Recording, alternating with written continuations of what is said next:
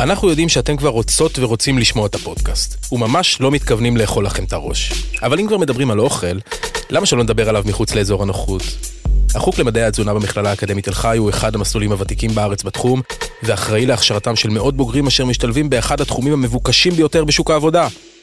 תוכנית הלימודים במכללה האקדמית תל חי, לצד הסגל הבכיר, הכולל מדענים, מרצים, דיאטנים ורופאים בולטים, יסייעו לכם ולכן להשתלב כתזונאים קליניים ודיאטנים במגוון רחב של תפקידים בשוק הציבורי והפרטי. בקיצור, גם במדעי התזונה ומדעי המזון, שווה לצאת מאזור הנוחות.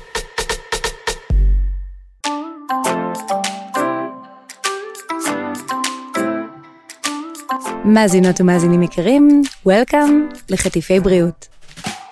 תוכנית שבועית שמטרתה לעורר בכם מחשבה ולפתוח את הראש לגבי הרגלי החיים שלכם.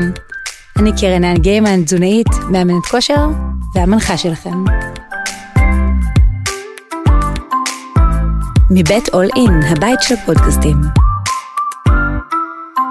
ברוכות החוזרות וברוכים החוזרים להמשך השיחה של דניאל וולפסון, מטפסת הערים והאישה הישראלית הראשונה על פסגת האברסט, ושלי. אם לא שמעתם את החלק הראשון, שווה לחזור אחורה ולהשלים אותו רגע לפני שאתם מאזינים לפרק החדש. ורגע לפני שנחזור לשיחה, אני רוצה להזכיר לכולנו לכולם, שבספוטיפיי, בתיאור הפודקאסט שלנו, חטיפי בריאות, יש לינק מיוחד לקבוצת וואטסאפ ייחודית, שבה תקבלו ראשונים את כל ההתראות הכי מעניינות על פרקים חדשים שעולים פה בחטיפי בריאות. אז הצטרפו אלינו. בחזרה לשיחה. אז איך מתחילים להיערך לטפס על האברסט? את אישה, ככל הנשים, נכון, טיפסת בקרפטים, עשית ספורט מאוד מאוד אה, עילאי, את יודעת, אולטרה מרתון זה, זה חתיכת אה, מאמץ, אבל שום דבר הוא לא כמו טיפוס. לגמרי, לגמרי, כמובן, לא, בלי, בלי להוריד מערך, כמובן, איירומן זה קשה, אולטרה מרתון זה קשה, אבל זה אירוע שקורה ונגמר בעוד 20 שעות, 30 שעות, או 40, מה שקורה בערים, זה נמשך. זאת אומרת, אין שם, גם נמשך, ולא רק זה, עוד אלמנט, שלהגיע לפסגה זה סך הכל 20 אחוז, 80 אחוז זה לרדת. בפסגה אצל האלפיניסטים אף פעם לא חוגגים. לא חוגגים, לא מרימים ידיים, כמובן עושים תמונה, מצטלמים כי אין תמונה, אין, אין פסגה, כמובן, אבל... אבל... רגע, אין תמונה, אין פסגה באמת? כי את יודעת, לא, כמובן יש את המכשירים שיודעים, יש את השרפה שיכול להעיד, אבל בסופו של דבר לא, צריך ברור תעודה, על מנת לקבל את התעודה מהממשל, מגוורמנט נפאלי, צריך לתת תמונה, ולא רק זה, בפסגה חייבים גם להוריד מסכת חמצן, הרי כולם שם מסכה עם הגוגלס, עם המשקפת הזו הגדולה, עם אף אחד לא יכול לזהות, הרי כל אחד יכול להגיד שם. נכון. אז, אז אחד החוקים, וזה כן, כמובן יש תמונה, מורידים את המסכת חמצן, מורידים את המשקפיים, על מנת שיזהו שזאת אני באמת על הפסגה, כן. איזה קטע. כן, כן, הם הולכים, זה דבר אה, שתחקיר, אחרי זה שואלים את השרפה ושואלים את הראש המשלחת, גם יש מדהים. במכשיר שבודקים את הנקודה שהגעתי לפסגה, יש כמה אלמנטים, וזה בסדר, אני מאוד מכבדת את אז זה. ליטרלי, אין תמונה, אין פסגה. כן, בדיוק ככה. ובכלל בטיפוס, לעומת נגיד המרתון או אולטרה מרתון או האיירומן שמתחילים נגיד בבוקר, מסיימים בלילה עוד, או אולטרמן, זה יכול, אולטרה מרתון זה יכול לקחת גם יומיים, אבל בסוף מסיימים, מרימים את הידיים ונגמר האירוע. פה להגיע לפסגה זה לא נגמר האירוע, כי כל התאונות קורות בירידה. זאת אומרת, אחרי הפסגה, זה לכאורה זה השיא, זה לא השיא. השיא זה כשחוזרים למקום בטוח, שאפשר לנשום, זה השיא. אז, אז, אז אני, שוב, יכול להיות, לא יכול להיות, בטוח, פיזית, יש גם מרתון אולטרמד, קשים. מנטלית, פה יש אלמנט מנטלי שנכנס וממושך. ממושך להרבה מאוד ימים, שזה בעצם גם התזונה, גם השינה, גם הקור, שזה ממושך, הדבר הוא מאוד ממושך. כי יש לנו בעצם בעולם הספורט את המאמץ ואת ההתאוששות מהמאמץ. אז כשיש לנו איזשהו אירוע שהוא מוגבל במספר שעות, גם אם הוא רב, הוא מוגבל. וכאן בעצם, לפי מה שאת מתארת, יש לי מאמץ יום אחר יום אחר יום אחר יום, מעל לחודשיים, כאשר ההתאוששות... לא מתאפשרת. חד משמעי. גם בימי מנוחה, כשאני אומרת מתאקלמים ואחרי התאקלמות, נגיד עכשיו יצאנו מבייסקים לתאקלמות של קמפ שלוש. Mm-hmm. אז אה, הגענו לקמפ שלוש, ישנו בקמפ שלוש, יורדים שוב לבייסקים. אז לכאורה בבייסקים זה ימי מנוחה התאוששות, אבל בייסקים עצמו נמצא בגובה 5300, אז אין שם התאוששות. גם ביום שנמצאים בבייסקים, לא עושים כלום, יש יומיים מנוחה. וזה, התוכנית היא כזאת, מטפסים, אה, מתאקלמים, חוזרים לבייסקים, מנוחה. מטפסים שוב, עוד יותר גבוה לאיזשהו קמפ גבוה יותר, חוזרים בייסקים זה ימי מנוחה, זה נכון שזה ימי מנוחה, אבל 5300 הגובה, זה לא ניתן שם להתאושש. נכון, זה נחים וקצת אוכלים יותר טוב, כי בבייסקים האוכל הרבה יותר טוב מהקמפים הגבוהים יותר, התנאים באוהל הרבה יותר טובים, יש באוהל אוהלים יותר טובים, אבל זה מעין התאוששות, אבל לא מספיק התאוששות, כי בגובה הגוף נחלש, ככל שנמצאים יותר בגובה, גוף נחלש. לא ניתן שם להברין, למשל אלמנט של, של, של מי שחולה, נגיד, הכל שם מתעצם, השפעת, השיעול, הכל מתעצם, הדלקת גרון, הכל מתעצם. לא ניתן להבריא, התרופות זה פלצבה, זה לא עובד. מה שקורה, שהפתרון היחידי להבריא זה לרדת למטה בגובה. Hmm, מי שיורד למטה בגובה, הוא מסיים את המסע. זאת אומרת. כל הזמן צריך לשמור, להיות בריאה מספיק, זאת אומרת, לא לחלות, כמה שיותר לאכול, לישון כמה שאפשר לישון, ולהמשיך בתוכנית הזו. אבל כן, חודשיים, לצורך העניין, הרים גבוהים זה בדרך כלל לוקח בין 50 ל-60 ימים, זה לוקח זמן, וכל הזמן שם נמצאים באיזשהו מאמץ תמידי. כמובן, יש peak ים של מאמץ של, כשמטפסים, ו peak ים של ומאמץ הוא פחות כשנחים ב base camp, אבל בכל זאת, תחשבו, ב base camp גובה 5300, כל צד הוא, הוא, זה מאמץ, הכל, הכל איטי שם, לשים נעליים זה לוקח מעל חצי שעה. וואו. להפשיר מים, לקבל ליטר מים זה לוקח שלוש שעות להפשיר שלג. כאילו, כל זה מאוד הוא- קשה לטפל בעצמך בתנאים כאלה, כלומר, איפה המוטיבציה בכלל ללכת ולהביא מים? ברור שאת צריכה את זה כדי לשרוד, אבל אין פה מקום ל- לבא לי. כי זה בא לי עוד שלוק, לא, זה את ממש מודדת מה את צריכה כדי לשרוד. אז איך מתחילים להתכונן? כי נכון, אני מבינה שהחישוב בהר עצמו, עוד מעט כזה תספרי לנו קצת יותר, אבל אפילו לפני, איך את מתכוננת למאמץ כל כך רב-תכליתי בתנאים שהם הם לא תנאים? אז איך את אוכלת, נניח, כמה זמן את מתארגנת אה, על תזונה לפני המסע? חודש, חודשיים, שלושה, יומיים? אז קודם כל, אז שוב, אה, בכלל, אה, אברסט, כשהתקבלה החלטה שאני יכולה להגיע ל... אני רוצה, וזה אפשרי, וזה גם סיפור שככה אה, אה, הבנתי שזה יכול לקרות. אה, אז קודם כל, כהכנה מטפסים ערים, כמה שיותר מטפסים, כמה שיותר מטפסים ערים גבוהים, כמה שיותר נמצאים במסע, על מנת להבין, להתמודד. אז כמובן, לפני אברסט טיפסתי מעל, יצאתי מעל 30 או 40 מסעות, לא, אבל, וגם פיזית. אני כמובן מתאמנת בארץ. שוב, 2021 עמדתי על פסגת אברסט, אז הייתה שנת קורונה, 2020, 2021, שנת קורונה, אז הייתי מתאמנת הרבה מדרגות, הרבה אה, עליות איפה שאפשר עליות בישראל, ואיפה שאפשר לנסוע, אני נוסעת למסעות טיפוס, אהה. וכמובן, שלושה, אני, שוב, אני, כמובן, אין, אין הרבה אנשים בישראל שיכולים ללוות, כי לא, אין מספיק ידע. אני- ואין גם שעושים- אף אישה, שזה אה, חתיכת עניין. נכון, אז מה שאני עושה, אני כמובן קוראת הרבה חומר, חומר כמובן מחקרים, מתייעצת עם אנשים בעולם, אה, שואלת שאלות, אה, כל מיני פורומים שאפשר, ואז אני, שלושה חודשים לפני זה, אני מתחילה בכלל לקחת ויטמינים. אני ממלאה את הגוף שלי בוויטמינים, זה ויטמין C, ויטמין B, ויטמין D, ויטמין E, זאת אומרת, אני לוקחת איזשהו, אני, שוב, אני, כן. לוקחת, אני בכוונה מכניסה המון המון מאגרים, שיהיה לי יותר ממה שכבהר, כל דבר הוא נגמר, הוא ייגמר.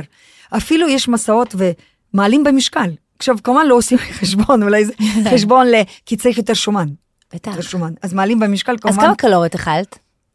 זהו, לא, אבל הייתי אוכלת בלי, בלי, בלי להגביל את עצמי, למשל אם זה אגוזי קשיו, חמת בוטנים, דבר, דברים שכמובן להכניס לתוך הגוף, אה, זה, אני מתחילה את זה משהו כמו שלושה חודשיים לפני זה.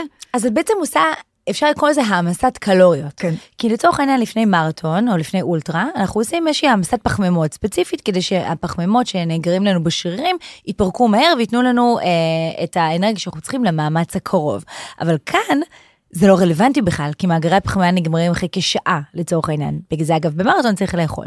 אז כאן את אומרת, עשיתי העמסת קלוריות, עשיתי העמסת שומן על הגוף, כדי שיהיה הרבה מאגרי שומן שהגוף ישתמש בהם בהר. חד משמעי, נכון. שומנים, מדהים. שומנים, ממש שומנים, כן, אה, שומן זה מלווה כמובן בהעלאת משקל אפילו. אוקיי, דניאל, עכשיו אני רוצה לעשות ממש זום אין, ולדבר על איך נראית תזונה, כאילו מה אוכלים על ההר ביום של הטיפוס עצמו, בגבהים.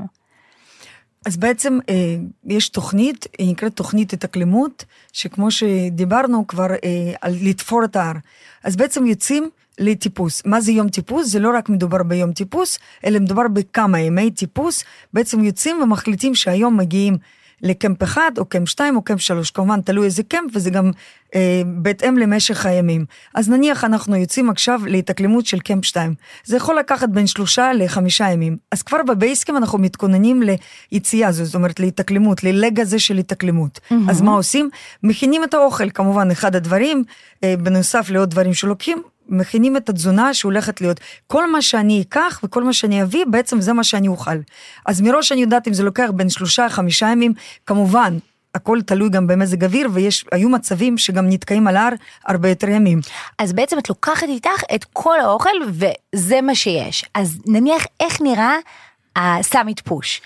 איך נראית התזונה בסאמיט פוש, עם כל האדרנלין והגבהים, ואת אמרת שזה לקח 50 שעות, אז איך נראה תפריט? לגמרי, סאמיט פוש לגמרי, זה בדיוק המושג, אה, זה יכול לקחת שלושה, ארבעה ימים, 40 שעות, 50 שעות, ורק אני אסביר, ככל שעולים יותר בגובה, וככל שנמצאים בקמפים יותר גבוהים, אז יש פחות תיאבון. Mm. פחות תיאבון, ממש. אין חשק לאכול. חלק בטח יגידו, וואו, זה מצוין, בטח... אה, דיאטה. איזה כיף, דיאטה. לא, זה, זה לא מצוין כל כך, כי יש פחות תיאבון, פחות מכנס קלוריות לתוך הגוף, פחות יש אה, אנרגיה בגוף, ואז יש פחות כוח להתמודד שם. זה אבל... גם מסוכן, כלומר, לא רק שיהיה לך פתאום פתיג כזה ו- ולא תוכלי להמשיך את הטיפוס, גם אם לא אוכלים מספיק, אז הגוף לא יכול לחמם את עצמו, ו- וזה מאוד מסוכן לחיים לא לאכול. לגמרי, ממש לגמרי. אז מה, זאת אוכלת כמו רובוט? את אומרת, אני חייבת ולכן אני אוכל? לגמרי, אז זאת הסיבה שמתכוננים מראש, זאת אומרת, אני יודעת ביום, must, חובה, אני חייבת לאכול שקית אוכל, בעצם זו מנה שעשויה מחומרים מיובשים, בתוך מנה זה אה, מיוחד, פיתחו את זה לאלפיניסטים, במנה זו יכול להיות קלוריות, בין 600 ל-800 קלוריות במנה. זו שקית אה, מיוחדת, שבעצם אה, יש שם חומרים מיובשים, שזה יכול להיות אפילו עוף מיובש, אורז מיובש, אפילו לזניה, כתוב לזניה, לא באמת לזניה, אבל... אה, אולי, אולי בגבהים, כשאין לך חמצן במוח, זה מרגיש כמו לזניה. מרגיש כמו לזניה. אז מה שקורה בשקית הזו, בעצם לוקחים כמה שקיות. אני יודעת שעכשיו אני הולכת לחמישה ימים, אני לוקחת לפחות חמש שקיות. הלוואי ואני אוכל לקחת עשר שקיות, זה אומר שכל שקית היא שוקלת 240 גרם. אם אני הולכת לחמישה ימים זה 240 כפול חמש, אם אני רוצה שתי שקיות זה 240 כפול שתיים, כפול חמישה ימים זה כבר משקל. אז אני אומרת לעצמי, ככה, אני לוקחת שקית לפחות, אה, שקית אחד ליום, ליום. שזה המנה זו, mm-hmm. אני לוקחת עוד אה, שני אה, ג'לים. בעצם ג'לים שמיוחדים שלא קופאים, כי כל דבר שם קופא. יש ג'לים מיוחדים שלא קופאים. אני לוקחת אה, עוד אה, איזשהו חטיף, שוב, שוב, חטיפים למשל, הרבה פעמים מטפסים לו עם סניקרס, הוא אמר זה כופה, חבל למשקל, חבל לסחוב. וואו, זאת אומרת טיפ למטפס. חד משמעית, רכים שהם לא קופים, וגם צריך לשמור הכל בתוך המיל, או במקום, בגרביים אפילו, שזה לא יקפא. אז אני אומרת שזה זה, זה בעצם האוכל שלי. לוקחת אולי אה, אה, מנת noodle, שוב, שקית של, של noodles יבש, uh-huh. כל מה שאפשר לשים בתוך השקית, של, כמובן לא סוחבים את הכלים, כלים זה משקל, אז כל מה שאפשר לשים בתוך השקית הזו מים, אין שם מים חמים, לא מים רותחים, מים פושרים, שים בתוך השקית, ואז איכשהו מתבשל, נהיה אוכל. אוקיי. אכיל. חשוב גם להגיד ש... שזו טכנולוגיה מסוימת, כלומר זה לא כזה, את יודעת, מנה חמה של ה nineties, זה באמת טכנולוגיה שמאפשרת למנה אה, להתפרק, זה נקרא dry freeze, מקפיאים אותה, אה, ואז אחרי זה בהוספת מים זה ממש חוזר להיות עוף, כלומר זה באמת עוף, זה לא איזה משהו מעובד ומוזר כזה, ואת אומרת שהמים לא חמים, אז איך בכל זאת? כי קודם אמרת שגם לוקחים מי שלגים, ואז כזה הם נמסים וזה השתייה שלך, אז, אז מכניסים שלג פנימה, הם מחכים שהוא אה, יימס? לגמרי, אז לא, אז מה שקורה שלוקחים איזשהו סיר, סיר שבעצם, וגז מיוחד, שזה גז לבן בעצם, שהוא גם אה, מיוחד לגבהים האלה, מה שעושים, שמים את השלג, מקבלים מהשלג, mm. מים, מים לא, אה, לא ניתן להרתיח מים, כי בגבהים האלה יש אחוזי רתיחה פחות, אז תמיד מגיעים ל-60-40 אחוז של אה, אה, עוצמה של מים, mm-hmm. ברתיחה, של חום, כן. בדיוק, של חום, ואז את, את המים האלה, שמים בתוך השקית, ואז בשקית, כמו שאמרת, בדיוק, אני אני אפילו לא מבינה איזה טכנולוגיה, אבל זה טכנולוגיה מיוחד בדיוק מה שהסברת, כי אפילו על השקית מאחורה כתוב שיש שם ויטמין B,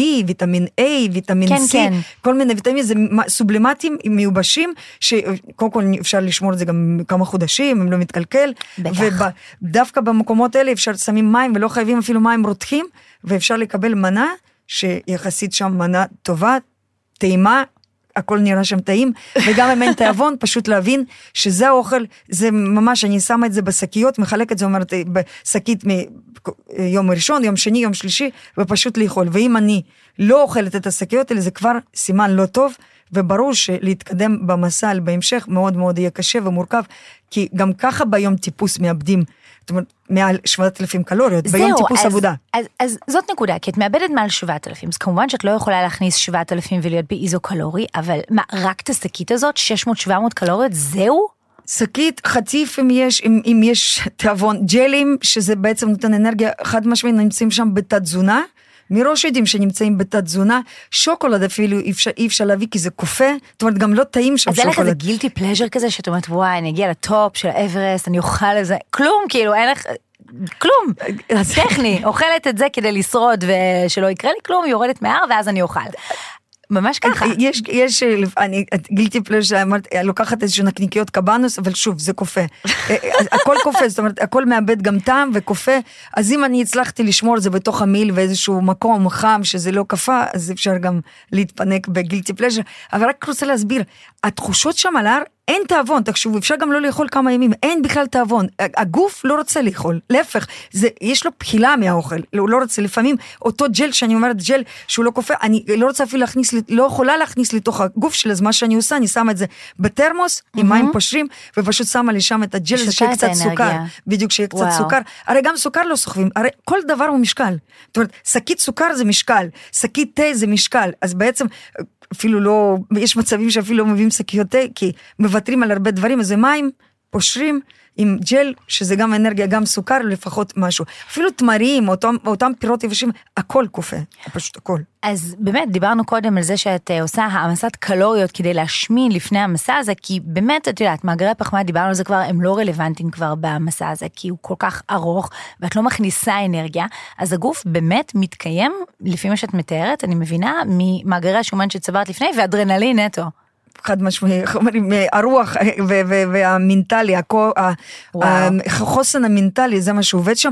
כמובן, זו הסיבה שיוצאים ללג, חוזרים לבייסקאם, בייסקאם, כמו שדיברנו, יש תנאים יותר טובים, יש שם אוכל יותר טוב, הכל יחסי, כן, אבל יש שם אורז, יש שם פסטה, יש שם דברים שאפשר לאכול, שאנחנו רגילים, ואפשר להתפנק באוכל הזה.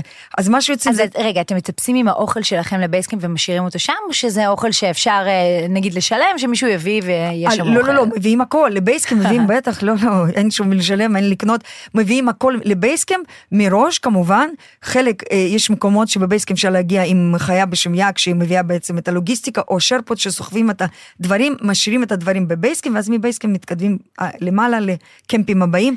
אז תמיד ב base camp יש עודף, כמובן מביאים הרבה אוכל, מביאים גם אוכל, הרבה אורז, דל בהט, המנה המפורסמת בנפאל, שזה טעים, דל בהט, שזה אה, בדיוק. עדשים ואורז וזה גם עוד. חלבון והמון המון המון פחמות ואנרגיה. בדיוק. מה הכי, אה, מה הזמן הכי ארוך מהרגע שעזבת את הכיס, base camp סליחה, עד הרגע שאת חוזרת אליו? כאילו מה ה leg תזונה הכי ארוך שעשית על השקיות האלה? אה, בעצם במסע לפסגת אוורסט בעצם יצאנו מ base camp, תכננו שחמישה ימים, בעוד חמישה ימים אנחנו מגיעים לפסגה, נתקענו בגלל מזג אוויר שישה ימים בקמפ את זה, 2, נכון, הקודם. בדיוק, ולקח עוד זמן לרדת, בעצם זה לקח 17 ימים, 17 ימים מיום שיצאתי מבייסקאמפ עד שחזרתי אז לבייסקאמפ. 17 ימים כן. את היית על הרוטינה של דרי פריז אחד כזה ליום, אולי איזה מרסבר, כמה ג'לים, אבל זהו. כן. ומה כן. עם שתייה? שתייה, שתייה שותים מהשלג, בעצם מאפשרים את המים שהופך להיות לשלג, שהופך להיות למים.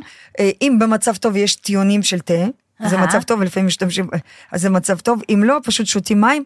אני גם, לא תמיד, אבל לוקחת איתי אלקטרוליטים, אבקות, כל מיני אבקות שלפחות להכניס איזשהו ויטמין, איזשהו אה, אה, אנרגיה או איזשהו טעם. לא תמיד זה מתאפשר.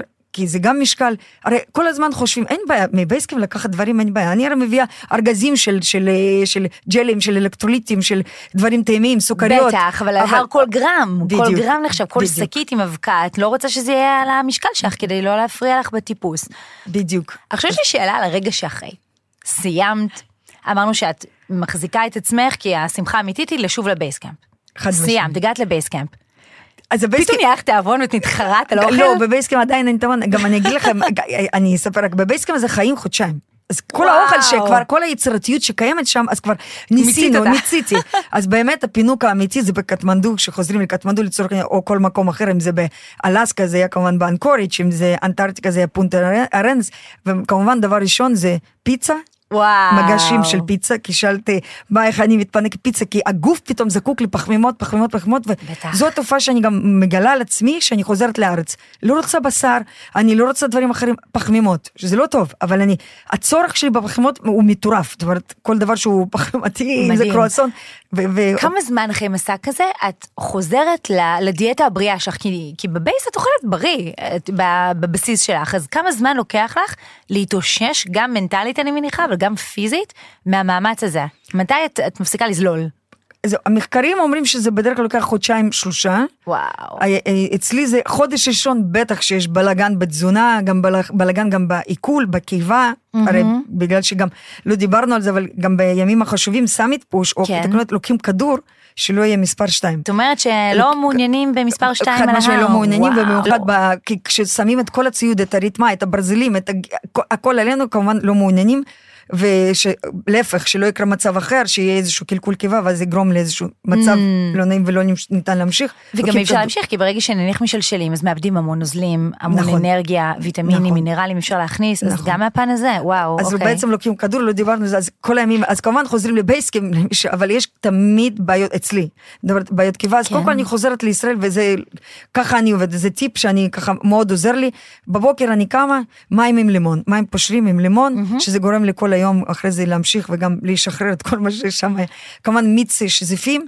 ולוקח לי חודש בלגן שלם בתזונה, בלגן, אני גם לא, אני מראש כבר יודעת, אני לא מת- נלחמת. לא מנסה. בא לי לאכול אפילו בשתיים בלילה, אז אני אוכלת בשתיים בלילה, לא מנסה. כמובן, אחרי חודש, חודשיים, אני מנסה איכשהו להיכנס לאיזשהו אזור אה, נכון. לא עושה דיאטות, אני לא עושה דיאטות, זאת אומרת, לא בתת תזונה בישראל בכלל, אבל מנסה איזשהו סדר, בוקר, צהריים, ערב, לעשות איזשהו סדר.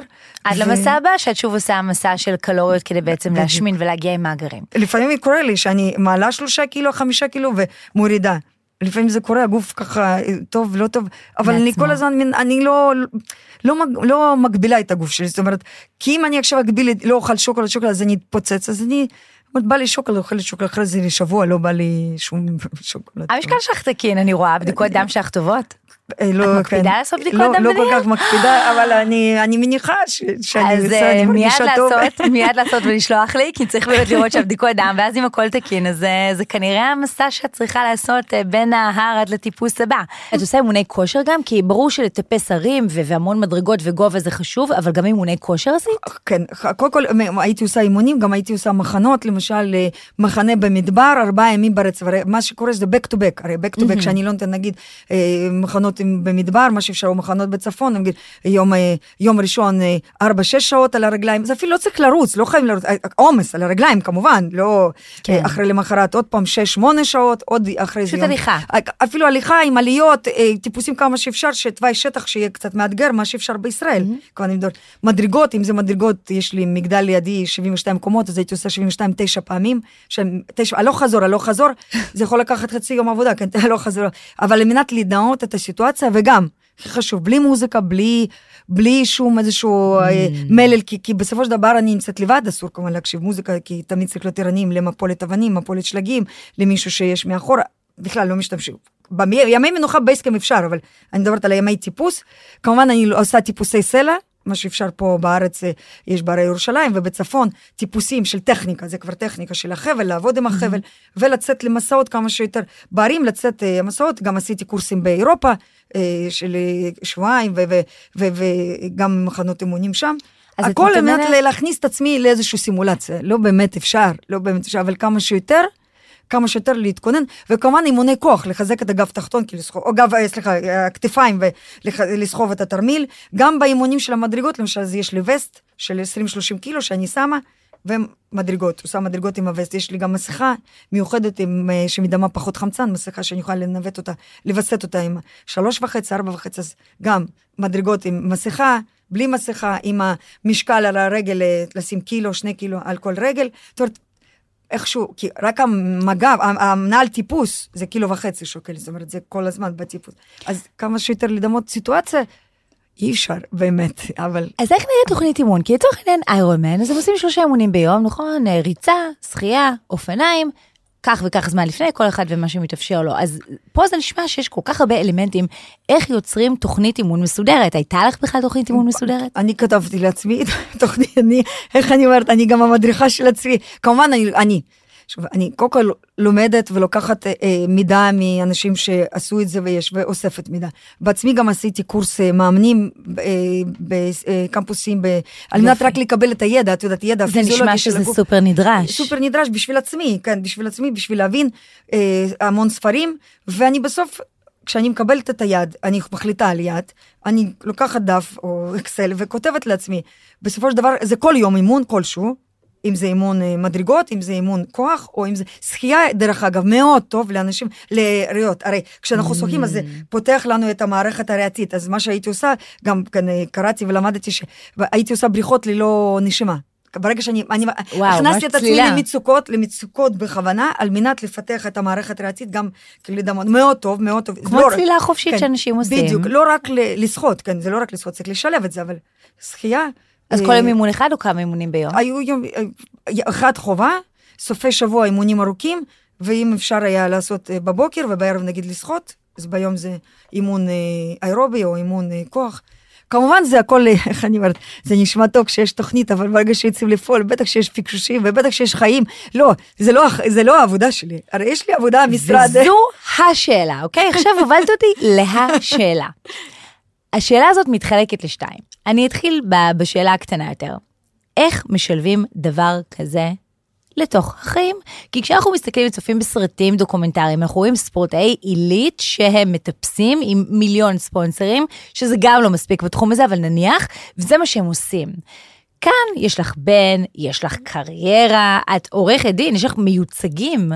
זהו, אז, אז אה, זה בדיוק, קודם כל אני רוצה, אני אישה, איך אני אומרת, אני אישה רגילה, יש ימי שבת שאני רוצה רק לראות בינג' של סדרה, לא עושה כלום ולא מתאמנת. אני מה זה לא יכולה לדמיין אותך עושה בינג'. יש לי כביסה על המיטה שאני בכלל לא מקפלת, בדיוק, יש לי בדיוק אותם דברים, אין שום דבר מיוחד בי, אין שום דבר.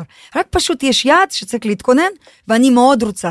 אני עצמאית, אז כשאני עצמאית ויש לי אה, משרד, אז זו הסיבה גם שכשהתחלתי לטפס הבנתי שאני לא יכולה להיות שכירה, כי אף אחד לא יקבל אותי והרגשתי שאני כמו גנב, כמו פושט שיוצאת למסעות ולא, זה לא, זה לא יכול להסתדר בארגון גדול עם בוודאי. שמצפים. אז קודם כל אני עצמאית, אז זה, כבר דבר שאני יכולה להרשות לעצמי. שנית, אה, אין לי ילדים קטנים, יש לי בן אחד גדול, שבעצם בסופו של דבר שהוא בכלל אה, מתגורר בארצות הברית, משחק קוקי קרח שם, אז זה משהו שגם, אני אומרת, חייבים לי, כל איך כוכבים צריכים להסתדר על מנת שדבר יקרה. שנית, אני לא בזוגיות, אז זה אומר שאני יכולה להרשות לעצמי לצאת בבוקר, ללכת לישון מוקדם, לא מחויבת, וכמובן ויתרתי על הבילויים, ויתרתי על החברים, ויתרתי על, על הדברים אחרים שמכניסים לי כרגע את הרעש, לצורך העניין הכנה לאברסט או לכל יעד אחר, רעש שיכול להוציא אותי מהאיזון, זאת אומרת אני מתמקדת בחיים שאני עושה סדר עדיפויות, פשוט.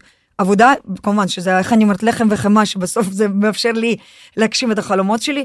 כמובן, התייחסות למשרד, עבודה, כל יום וכל הזמן שיש לי, אני נמצאת שם.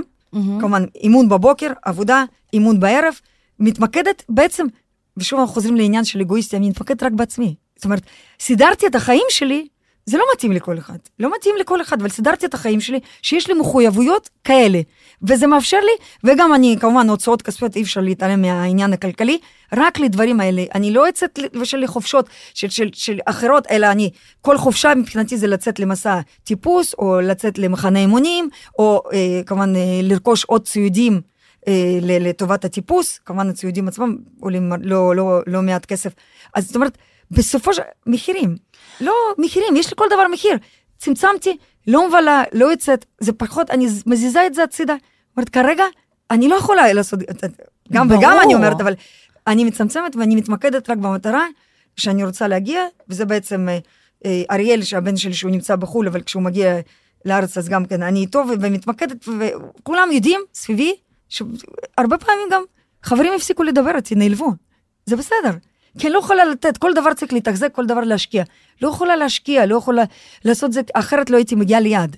לא הייתי מגיעה, זה, זה מעליב אולי, זה לא נעים, אבל רק ככה אפשר להגיע לדברים שרוצים, ויש מחיר. יש מחיר, ויש לי גם הרבה רגעים שאני בודדה ובדידות בדידות מטורפת, שאני נמצאת עם עצמי, הרבה פעמים, ופתאום אני רוצה להיפגש עם חברים, או להיפגש עם, את יודעת, לצאת לבלות, ופתאום, רגע, מאיפה את באת? פתאום, פתאום כשבא לך יש לך זמן, אבל כל אחד, אז זה בסדר, יש מחיר, אני מבינה את זה, ואני מבינה גם מה ההשלכות, וזה יותר חשוב לי, איך אני אומרת, הרוורס יותר חשוב מכל דבר. כנראה, אז זה באמת. זה נשמע אולי לא מקובל, אולי באווירה שלנו, אבל כן, יש זמנים שאני יותר מבלה עכשיו עם חברים, יותר מתייחסת, איך אומרים לי, חבר'ה, אמרתי, עכשיו יש לך זמן להתייחס? אמרתי, כן. ברגע שאני כנה, מהמם. כן, זה לא נעים לשמוע על אנשים אולי, אבל אני לא פוגעת באף אחד. אני כנה, אני, אני אמיתית. זה תיאום ציפיות, וכל אמיתית. חבר שלך יודע את אה, מקומו בסדר העדיפויות שלך. כן, ומי שמוכן, איך אני אומרת, לסבול אותי ולשרוד אותי ו- ולקבל את, ה, את, ה, את, ה, את הדבר ככה as is, אני הכי אשמח, אבל מי שלא וזה קשה, ו- וזה גורם לאיזשהו אה, נעלבים או חוסר תשומת לב מצידי, אז אני מבינה, אני מבינה, לא, ממקום טוב, ממקום טוב, ו... וזה האמת גם מוביל אותי רגע לעוד שאלה. כל חייך היו ההר הזה, וכבשת אותו, וחזרת, שזו החגיגה האמיתית. ועכשיו כאילו מה, את באה הביתה וקמה בבוקר והולכת למשרד? כאילו איך, איך, איך מכל האדרנלין ופסגת העולם, וזה שזה היה כל חייך וכל כולך, איך נוחתים מזה שנייה למטה? וואו, וואו. אז קודם כל, להגיע לפסגת אברס, הנה, בדיוק אני חוזרת לש- לקעקוע, זה פרסט וואן, הרי אמרתי לך, בערים פעם ראשונה כשנסעתי לרומניה, אז הרגשתי שם טובה, ואז המשכתי, ורציתי עוד מזה ועוד מזה, ועליתי ברמה, וגובה, ו- וטכניות. וכשהגעתי לפסגת אברס, ליטרלי, איך אני אומרת, הנה, יש לי תעודה, כמובן אחרי שחזרתי, שאני הראשונה. זאת אומרת, הרי כל החיים לא הייתי ראשונה בשום דבר ולא טובה בשום דבר. מה אימא שלי אמרה? מה? אמא שלי, חזרתי, לקח לה זמן עד שנפגשה איתי, אמא שלי אישה מאוד עסוקה, הייתה צריכה... לא הרשמת אותה. לא הרשמתי, מה זה לא הרשמתי את זה? אני פתחתי, רגע, שאימא שלי, ואז אני אספר, כי בכלל לא הבנתי שהסיפור שלי הפך להיות כל כך תקשורתי, כל כך רצו לתעד את האירוע, כל כך רצו לחוות יחד איתי, ואני פתחתי את זה לכולם, והייתי הכי חשופה. לא הבנתי בכלל שזה מעניין אנשים, בכלל יעניין אנשים, ושם כשעוד הייתי במהלך המסע, הרגשתי שיש לי משימה לאומית, לא שנתנו לי משימה כזו, כן, משימה לאומית, לעצמך. כן, לקחתי את זה שאני כאישה הולכת לעמוד ולהניף כמובן כישראלי דגל ישראל, ואני גם כאישה מראה ויכולה להראות שמותר גם להגיע לפסגת העולם בתחום גברי, הרי פחות מעשרה אחוז בכלל מטפסים נשים בעולם, עשרה אחוז בעולם, בישראל אין. ואז אימא שלי, אה, לקח לה הרבה זמן, אה, אה, כתבה לי, את יכולה לבוא, לעזור לי במסמכים, למלא, הרי אני עורכת דין, אז אני באתי, ואז ככה היא אומרת לי, נו, חודשיים לא עבדת, הזנחת את הבן שלך, השקעת רק בעצמך, לא היית מגיעה לפסגה, big deal, מה כולם מדברים? אז זאת אימא שלי. אז, אז, אז, אז, אז, אז למה אני אומר, מספרת את זה? כי כשעמדתי על פסגת אוורסט, אז אומרים לי, רגע, מספיק. הבן, הבן שלי אומר לי, אריאל אומר לי, תפסיקי, זהו, מספיק. תתעסקי בדברים חשובים, תתעסקי במשרד, תמצאי לך בן זוג. אריאל אומר לי, מספיק עם ההרים. אבל האוורסט הזה לא האוורסט שלי. כל אדם יש את האוורסט שלו. אני עדיין מחפשת את האוורסט שלי, כי בעצם, איך אני אומרת, החיים הם אוסף של אוורסטים קטנים, אברסטים גדולים, וצריך פשוט כל פעם לחדש ולמצוא ולדעת מה האברסט הבא. כי הרי האברסט בבוקר קמתי, התאמנתי, זה מבחינתי האברסט קטן. מבחינתי, אני גם היום אני אומרת לעצמי, קמתי בבוקר מוקדם, התאמנתי, אני אומרת, כל הכבוד. בכלל צריך להגיד, אה, איך אני אומרת, אה, אה, אה, למנף, איך, אה, כל אדם, לפעמים אנחנו שוכחים אפילו להגיד לעצמנו, שאנחנו טובים במשהו, עשינו משהו. כל הכבוד, זה הפסגה. כאילו, כן, גם אני, ואני מתאמנת, אני אומרת לעצמי, וואו, איזה אימון עשית טוב, כל הכבוד, זה האברסט טוב שלך. אני לעצמי מעצימה את זה בכוונה, כאילו נותנת לעצמי מדליות קטנות, גדולות, וכמובן האברסט הגדול, אני אמרתי 14 ערים ומועדון שאני רוצה להקים.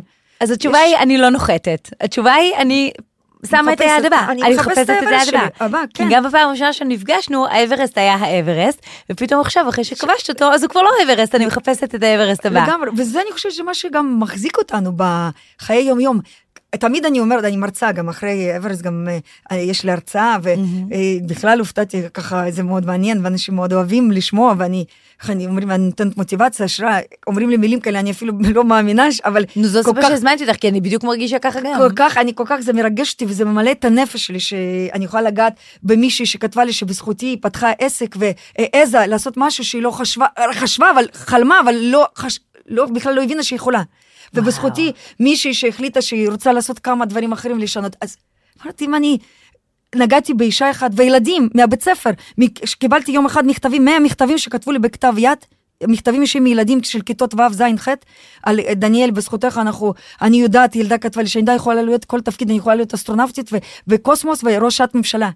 אמרתי, אם אני מצליחה לגעת באנשים האלה עם הסיפור שלי, אז וואו, כנראה אני עושה משהו. אבל זה באמת, זה- כי את יודעת, אנחנו זה- מסתכלים ואנחנו רואים דברים בעולם, ופתאום יש לנו כאן ישראלית, אישה שהניפה את דגל ישראל על האברסט. ואני רוצה גם לשאול אותך, יש הבדל בין גברים לנשים? כי באמת, זה ספורט שגם אה. כל הסרטים, לא ראיתי אישה. אין אפילו, אני תמיד מפורסמת לעשות נורא. סרט, סדרה על אישה. תחשבו, בכלל בעולם, אני, אני, כאילו, יש לי חלום כזה לעשות איזשהו סרט על אישה שמובילה בכלל משלחת. אין אישה שמובילה משלחת, אין אישה שבסרט היא מטפסת, אין, בעולם, לא בישראל, תמיד בעולם. בסרט הגבר הוא מטפס, נכון. והאישה מחכה לו וואו, בבית וזה- ומראיינים אותה על הרגשות שלה. ואיך היא גם אני, מתגעגעת. ראית, 14 Peaks, הסרט הזה שיש לו נכון. אשתו, היא נמצאת בלונדון, ואני מכירה אותה, אה, אה, היא מכירה את נימס, נימס טיפסתי אלסקה, אנטארקטיקה, היינו בלוצה ביחד, טיפסנו, חבר ממש טוב. אישה שלו, יש להם ילדה קטנה, מגדלת, עוזרת, והיא נותנת לו את כל התמיכה, והוא מטפס. הוא נכון. מטפס. ואגב, אין שום בעיה עם זה, כי אני מניחה שבאמת בתנאים כאלה עם ילדה קטנה, זה מה שצריך לקרות. אבל, פתאום את באה וטורפת את הקלפים. יש- את יש- אומרת, אני העניין, לא י- בעלי, לא בן זוגי, לא לגמרי, חבר ו- שלי, אני. יש הבדל. קודם כל בכלל, נושא גברים נשים, אני אוהבת לספר. אני רוצה להגיד לך, גבר בהר נהיה כל כך סקסי, כל כך מאצ'ו, את מבינה, את הזקן, החספוס הזה, הבגדים המלוכלכים, הריח שלו יותר טוב משלנו. אישה, אני הרבה פעמים אומרת, לא מבינים אם אני גבר או אישה, ילד או ילדה, הרי קודם כל, אה, אני תרצי תמונות, קודם כל השר כמובן, כל הזמן, תרצי? כל- מיד. כל הזמן שר בכובע, כן, אז השר שלי נדבק לתוך הכובע, כמובן לא, בכלל לא מבינים אם אני, יש לי שר, אם אני אישה שנית, קודם כל כמובן המיניות שלי, כמובן מדברים על החז... הכל נעלם, הרי מאבדים את הכל. אני גם לא גבוהה, אז לפעמים, אז חשבו, גם השרפות, הסבלים לא גבוהים, אז חשבו שהרבה פעמים אני כמו סבל, הרי פנים גם מאוד אה, הופכות להיות מהכוויות קור ושחורות, אז הרבה פעמים התבלבלו ואמרו, את יכולה לעזור שם, לסחוב משהו. אז, אז אין, שם. אין הבדל בכלל בין מין גבר לאישה. בכלל, אני רוצה לספר, אין ציוד לאישה, אין חליפת טיפוס לאישה, אין מגפיים לאישה. אני כל קונה מידה הכי שמאל של גבר. כמובן אין. מגפיים, אין כובע, אין תרמיל, הכל, הכל בנוי לגבר. כי אני אגיד לך, אין, רגע נקודה. אין היצע, אין, אין, אין היצע, אין ביקוש, את יודעת, אין- אין ביקוש, אין היצע, אז הרי זה פחות. עכשיו, אז קודם כל, אפילו החליפת טיפוס לגבר, מקדימה יש את הריץ' רץ' הזה, שהוא מוציא מה שצריך מוציא, נאמבר לעשות 1. פישי. בדיוק, אנחנו נשים, על מנת לעשות פיפי או נאמבר 2, כמובן, להוריד את החליפה, להוריד את הרתמה, להוריד את הברזלים, להוריד את הכל, לחשוף את הטוסיקו, את, ה- את, את, את, לקור. לא מאמינה לך. ככה את עשית פיפי? כמובן בחוץ. עכשיו בכלל פיפי עושים בבקבוק באוהל. עכשיו גם כן, גבר, אם- אם אפשר נורא קל, ברור שאפשר. עכשיו אישה יש מכשיר, בקבוק, בטח שאני לא יכולה לעשות, הרי... נכון. זה אז יש מכשיר מיוחד. כזה שמדמה את הבולבול של גבר שאת כאילו שמה ואז את שמה, כי אחרת, וזה בסדר. גם, ודווקא ממקום הזה אני אומרת, שאין כל כך הרבה תנאים לאישה. זה הולך ומתפתח, אמיתית. עכשיו אני רואה שאפילו יש איזשהו, זה הולך, יש יותר נשים בערים בעולם, עדיין בישראל לא, אבל בעולם אני רואה, יש יותר נשים שנכנסות לעולם הזה, שזה מאוד מרגש אותי, אבל גם התנאים שאין מותאמים, לא מותאמים לאישה, וגם אין בכלל הנחה או הטבה לאישה, אפשר לעשות. מצאת שיש עוד הבדלים משמעותיים בין נשים וגברים, חוץ מזה שאין ציוד מותאם לנשים שדיברנו על זה? וואו, ככה, יש- קודם כל יש לנו... בואי כל- כזה שתי דוגמאות. קודם כל, מחזור, תמיד שואלים אותי, רגע, אה, מה עושים נכון. במחזור? אז קודם כל, אני לוקחת כדורים שלא יהיה. אבל אוקיי. שם לגוף יש תוכנית משלו, הרי כל גוף משתגע. אוקיי. ויש מצבים שגם היו, גם פתאום הגיע מחזור. די, עכשיו, מתי? ב- אפילו באברסט או במקלו, אין, אין אה, תחתוניות, אין, אין, אין אה, מגבונים, לא סוחבים, אז או. בעצם אה, גם אין נייר כל כך טואלט, אז בעצם אה, אה, מה שיש, יש, נמצאים במצב לא הכי היגייני, לא מצב הכי נקי. נכון שיש בגדי תרמו שהם בעצם מנטפים והם סופגים, נכון, כמובן כל מה שאפשר, אני, יש לי, זאת אומרת, ברור. מנת- ולפעמים נמצאים במצב לא נעים בכלל, וכאישה זה הרבה יותר מורכב. קודם כל, כל החברות צריכות רגע להרים את הכפפה ולהכין ציוד ייעודי לאישה, וגם, אם אני לא טועה, נשמע שכל אישה צריכה לעשות טיפוס כזה עם תחתוני מחזור ליתר ביטחון, גם אם את לוקחת כדורים, כי באמת את אמרת שהגוף משתגע.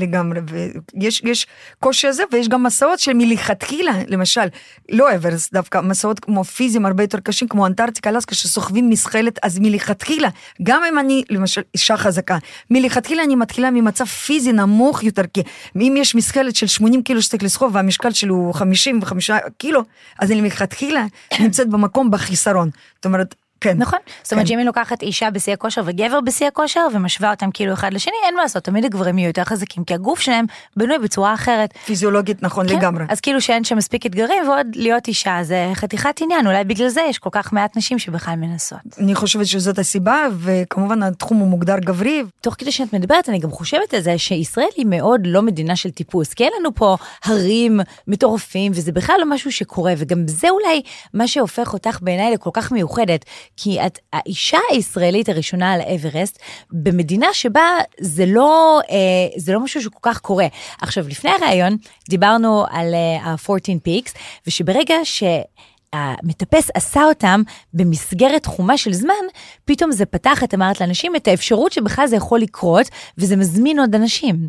אז את גם מרגישה שבזכות זה שאת טיפסת, את פתחת משהו שאולי היה סגור כאן בישראל? חד משמעי, וואו, את הגדרת כל כך, את אמרת את זה כל כך יפה, כל כך מדויק, בדיוק. נימס בא ואמר, הנה, אני עושה 14 ערים, עשה את זה תוך שבע, הפרויקט שלו היה 14-7, 14 ימים תוך שבעה חודשים, הוא עשה את זה תוך שישה חודשים, שישה ימים, והוא פתח משהו שזה אפשרי. החלום הזה של 14 ערים, לא, אני לא חשבתי שבכלל זה אפשרי. זה בדיוק אותו דבר, אנחנו קצת נחזור על אברסט. כשיצאתי לפני שלוש שנים, לפני שהגעתי לפסגת אברסט, יצאתי למסע טיפוס בדרום אמריקה, הר הקנקגואה. מתוך שבע פסגות, דרום אמריקה, הר הכי גבוה, 7,000 מטרים. איך זה בכלל קרה? היה לי, איך אני אומרת, יש לנו הרבה חלומות שזה בתוך תוכנו, ואנחנו אפילו מפחדים להוציא את זה החוצה, כי אנחנו כל הזמן חוששים מה יגידו, מה אין בזה כסף, מה זה החלום הזה, הטיפשי הזה. תמיד אנחנו חוששים להגיד, אז היה לי חלום הזה אברסט, אפילו הוצאתי החוצה. כי כשאחרי פעם ראשונה רומניה, אז התחלתי לטפס עוד קצת ועוד קצת וקורסים, והיה לי בתוך תוכי חלום כזה, שאולי אברסט בכלל, מה זה, אני יכולה, לא יכולה, והבנתי שאני, זה לא מתאים, זה לא, אני, אני לא כזאת, אני לא נולדתי אלפיניסטית, מה זה, מה אני בכלל מרשה לעצמי לחלום? רגליים קרות. ל... בדיוק, וכשהגעתי בדיוק לאקנקגואה, לדרום אמריקה, טיפוס של שלושה שבועות, ושם אנחנו נמצאים ראש המשלחת, ויש שם חבר'ה בתוך המשלחת שהם טיפסו אברסט. שני חבר'ה שהיו, ואני מסתכלת עליהם, כל הזמן מסתכלת, והם מספרים סיפורים על אברסט, ואיך הם עשו את זה. וראש המשלחת, שהוא בעצמו מוביל את ה... אה, היה כבר עשר פעמים אז על פסגת אברסט, שהוא ואני אומרת, ככה בסוף, בסיום, אני אומרת לו, איך בכלל, מה האנשים האלה, מה יש להם, אני גם מתישהו אוכל? הוא אמר, מה זאת אומרת מתישהו? רגע, אני אוכל? הוא כן, מה הבעיה? אמרתי, מה זאת אומרת, מה הבעיה? הוא אמר, מה צריך לעשות? אז הוא אמר לי, קודם כל תירשמי. אמרתי, ומה עוד? תשלמי כסף, דיפוזיט, פיקדון. אמרתי, ומה עוד? הוא אמר, עכשיו אנחנו נדבר. תעשי ככה וככה וככה, כי ההכנה לקח שלוש שנים. אבל עצם זה שהוא האמין בי, אמרתי, את יכולה? כי אני בכלל לא חשבתי. יכולה, אז זה הפך להיות כמובן מוחשי. אני יכולה, כמובן לא סיפרתי לאף אחד, החזקתי את זה, סיפרתי רק חודשיים לפני שיצאתי למסע, כי לא יכולתי כבר. איך אפשר? לא יכולתי, אבל, אבל, כי אמרתי, בדיוק ממקום הזה, כי אמרתי, אנשים יגידו, כשסיפרתי בחודשיים האלה, מזל שזה היה רק חודשיים, כשאמרו לי, את משוגעת, מה זה הדבר הזה? אריאל, הבן שלי, אמר לי בעצמי, בעצמו, מצאת לי מה לבזבז כסף? מה זה הדבר הזה? כי כל אחד מדבר מהמקום שלו, מהפחדים שלו. לכל אדם יש את הפחדים שלו וזה בסדר. פשוט אפשר להקשיב, לא לקבל, אפשר להקשיב, לקבל, אולי, ל, ל, אבל כל בן אדם מדבר מהפחד, ואז כשבא נימס ופתח את זה, כי התחלנו מהנימס 14, פתאום אני מבינה, ואני גם מכירה אותו באופן אישי, אני הכרתי אותו לפני זה, mm-hmm. לפני סטיפס, ואז פתאום הוא עשה את זה, וזה פתח עולם, והוא אמר משהו, הנה, אומנם הוא ניפאלי, אבל הוא לא שרפה, כי תמיד מתבלבלים. Mm-hmm. הוא, הוא איש צבא, נכון, שהיה בקומנדו UK, בריטי, קומנדו בריטי, נכון, איש, ש... אבל לא טיפס שרים. ולפני שהוא עשה את כל הפרויקט, הוא טיפס שרים והתחיל בדיוק ככה, באותן תחושות הרגיש ככה, כמו שאני הרגשתי שמשהו קורה לו שם.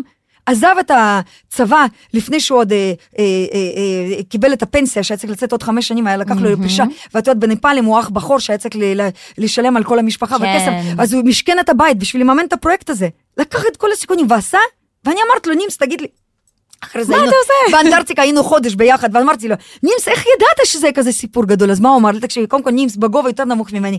אני אומרת בגובה, איש כריזמטי, לידר שהנוכחות שלו הוא נכנס, כאילו וואו, ומדבר בגובה עיניים, בכלל לא משנה מה, אני אומרת, נימס, תגיד, חודש, ישבנו באנטארקטיקה יום יום, אומרת נימס, הוא אומר, איך הוא אמר לי?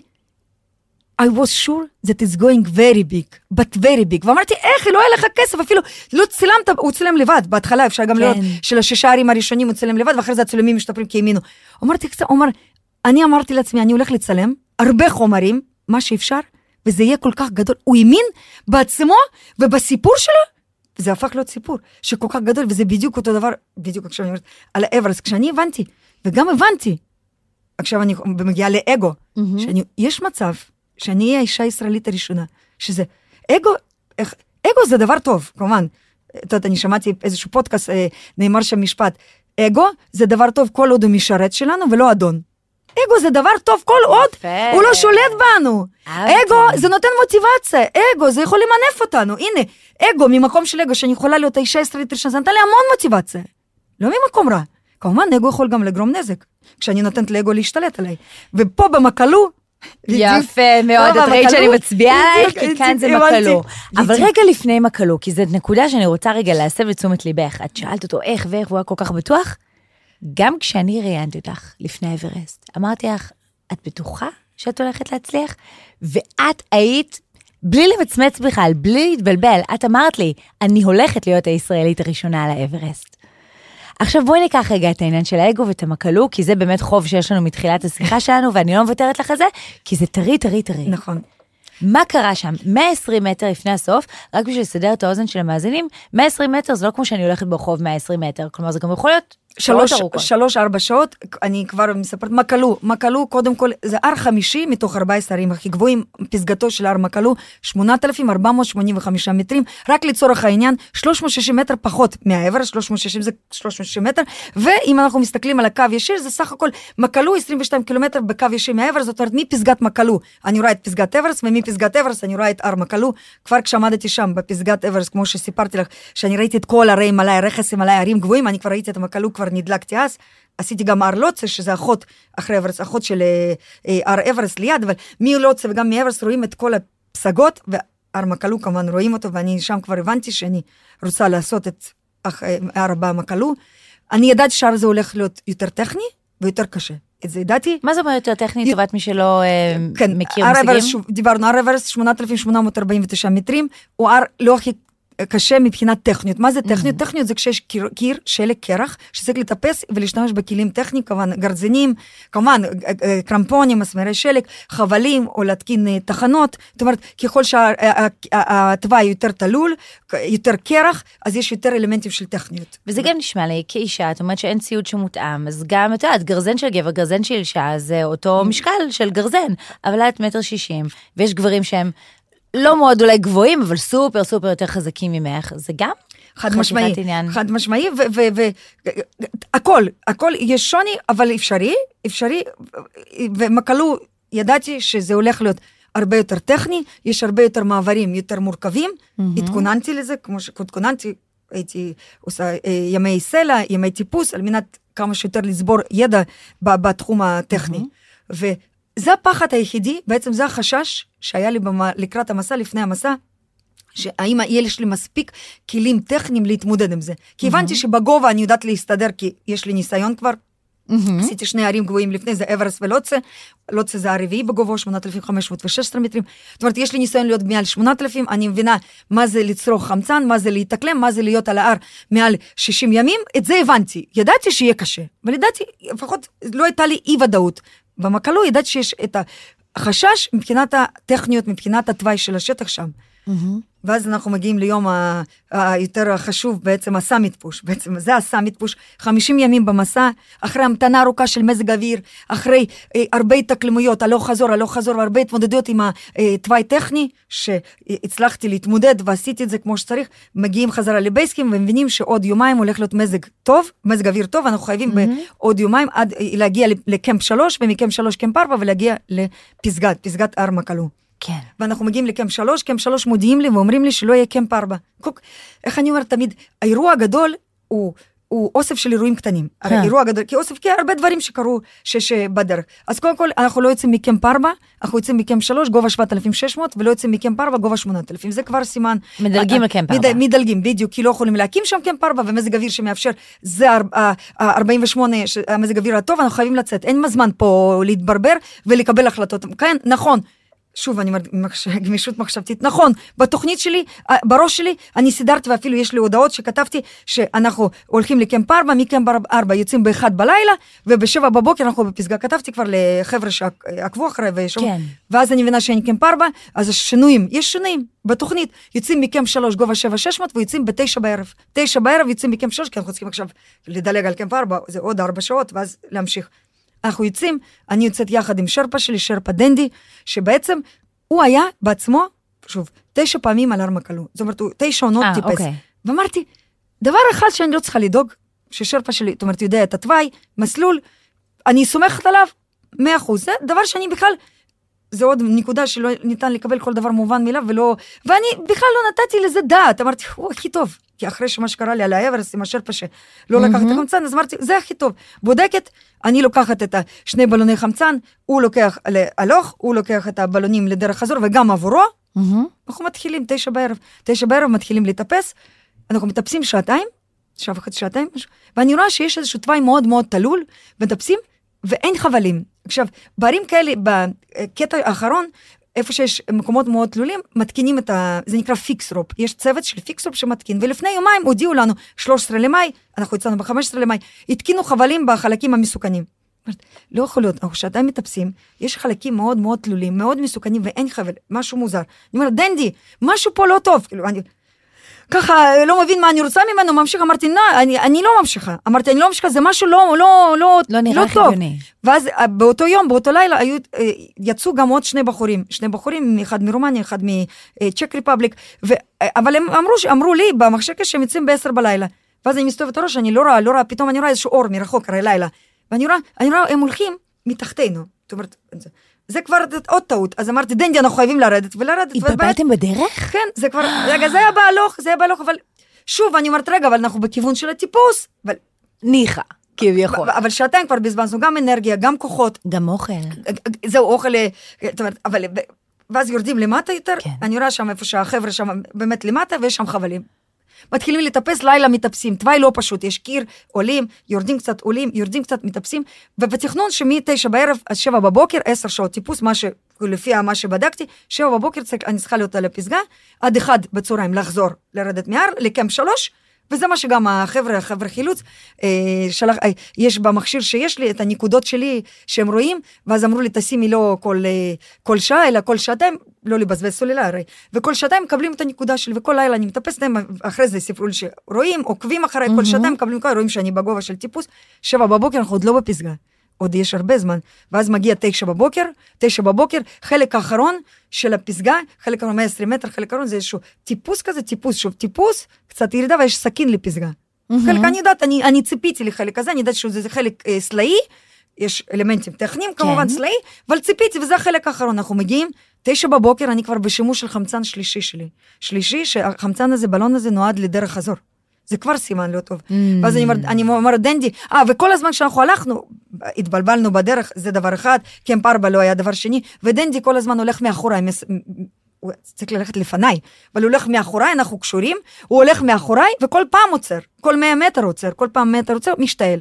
עכשיו, את יודעת, Mm. משתעלים, כולם משתעלים, כולם חולים במצב אבל הזה. פתאום שמת לב שהקצב שלו קצב, ואני אומרת כל הזמן, וההתנהלות דנדי. פליז גו, דנדי, we need to go, כי אני מבינה, כי כבר מתחיל להיות בוקר, כבר מתחיל, אנחנו כבר לא, שבע כבר לא בפסגה, כבר אנחנו מזג אוויר, החמצן שאני משתמשת כבר בבלון שלישי, לא טוב. דנדי, faster, we need to go faster, אני אפילו מבינה שצריך, ואז אנחנו בתשע בבוקר, עוצרים ממש לפני המקום, הדבר האחרון, הטיפוס האחרון לקראת הפסגה, ואז אני מסתכל, דנדי מתיישב, משתל וגם משתל עם הדם. יוצא לו דם. אוי ואבוי. דם זה סימן של בצקת מוחית שמתפתחת. אני אומר, דנדי, you have oxygen? כי את... אני לא בודקת את החמצן שלו, הרי אני... ואז אני רואה שהוא, בס... קודם כל הוא לקח רק בלון אחד לעצמו, ובבלון שהיה לו 30 אטמוספירות, 30 אטמוספירות זה עוד 10 רבע שעה, זה מה שאני... זה... וגם על מדד, בגלל שהוא לקח רק בלון, הוא לא רצה לסחוב, כי... אז הוא השתמש במדד מאוד מאוד נמוך, זה ברור. הוא אומר, דנדי, כאילו, מה, אני רואה שיש לי בבלון שלישי. מאה- כי- כי למה אני אומרת, כל הניסיון הזה שמהאברס וזה עם החמצן, יש לי בבלון שלישי 100 בר, 100 בר זה פחות מחצי, זאת אומרת השליש, ואני אומרת 100 בר, אם אני עכשיו לא אשתמש על 4, למרות שזה טיפוס, אני אשתמש על 1 וחצי, 2, זה עוד יספיק לי לשעה וחצי, שעתיים, שעתיים וחצי למשל, אבל טיפוס, זה, אבל טיפוס הזה אני כאילו הארכתי, זה עוד שלוש שעות טיפוס לפסגה, ואז עובר, עוברים לי המון תסריטים. תסריט ראשון, אני אגיע לפסגה, אה, ותוך כדי שאנחנו שם יושבים, הכל זה כמה דקות, כן, כמה דקות, מזג אוויר גם משתנה, מזג אוויר, שהוא מתחילה להיות רוח מאוד חזקה, זו בדיוק הנקודה שאת נזכרת שלא משחקים עם ההר. ואז אני אומרת את התסריט, אני אגיע לפסגה, בכוחות שלי, יכול להיות שדנדי כבר לא יצליח להגיע, אז הוא יחכה לי למשל, אגיע לפסגה, אבל אני לא אוכל לרדת, כי לא יהיה לי מספיק חמצן. אני אוכל להגיע לפסגה, אבל אני אשאר שם, או שאני אוכל אלוהים. להגיע לפסגה, לרדת, אבל בדרך לא יהיה לי מספיק חמצן, אני אשאר שם. זאת אומרת, כל התסריטים האלה, אני מבינה שכל התסריטים, ואז אני אומרת, ואני רואה מצב של דנדי, בסופו של דבר, דנדי, אנחנו ביחד, עכשיו אני, יודעת, אם קורה לה משהו, בסופו של דבר הוא יכול להישאר גם על ההר. כמה שזה אגואיסטי וסוליסטי נשמע, כן, אני אומרת, דנדי, כאילו, הוא לא עונה לי מה צריך לעשות, והוא בכלל לא מגיב כי הוא במצב מקו טוב, ואני אומר, דנדי, we need to go down.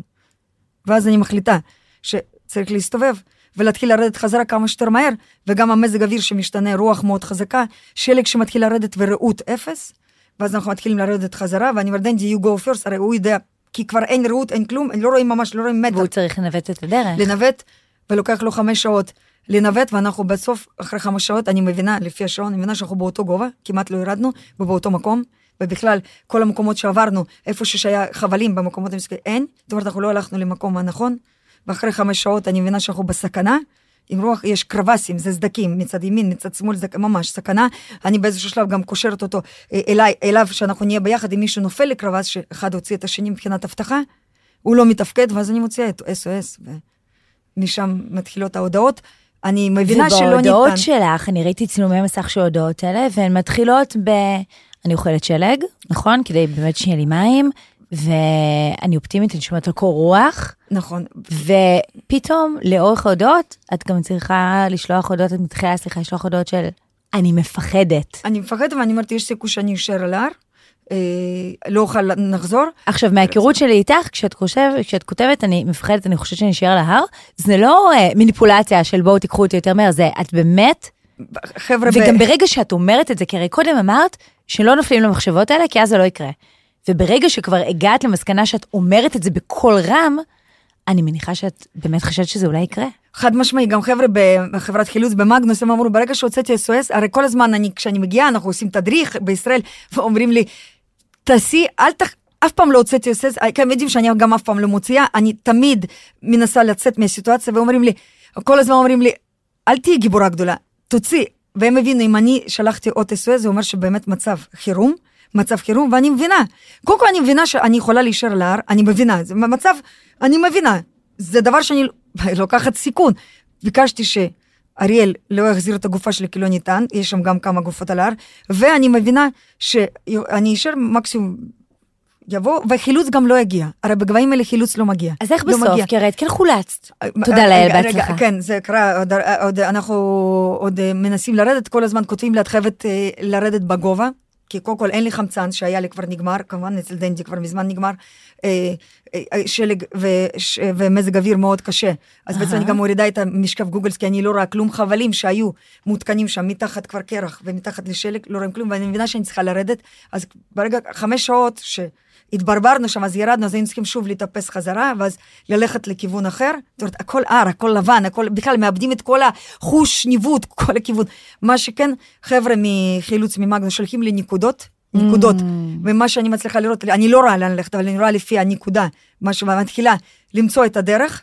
ולאט לאט אני אומרת, לוקח עוד עשר שעות, מגיע חושך, לא, לא ניתן, הם אומרים שאנחנו כבר מבייסקאם, הזקנו את החילוץ, מבייסקאם חבר'ה שרפות עולים לקמפ שלוש, לפגוש אותך בקמפ שלוש, את חייבת לעזור לנו, חייבת לרדת לקמפ שלוש, כי אף אחד לא יגיע במזג אוויר הזה, אולי מחר יגיעו, ואז אומרים לי, אפילו יש אחד הודעות, כי כתבתי שאני כנראה לא מצליחה למצוא את הדרך, אז אומרים לי, תמצאי מכסה, איזשהו קרבה, מה זה מכסה?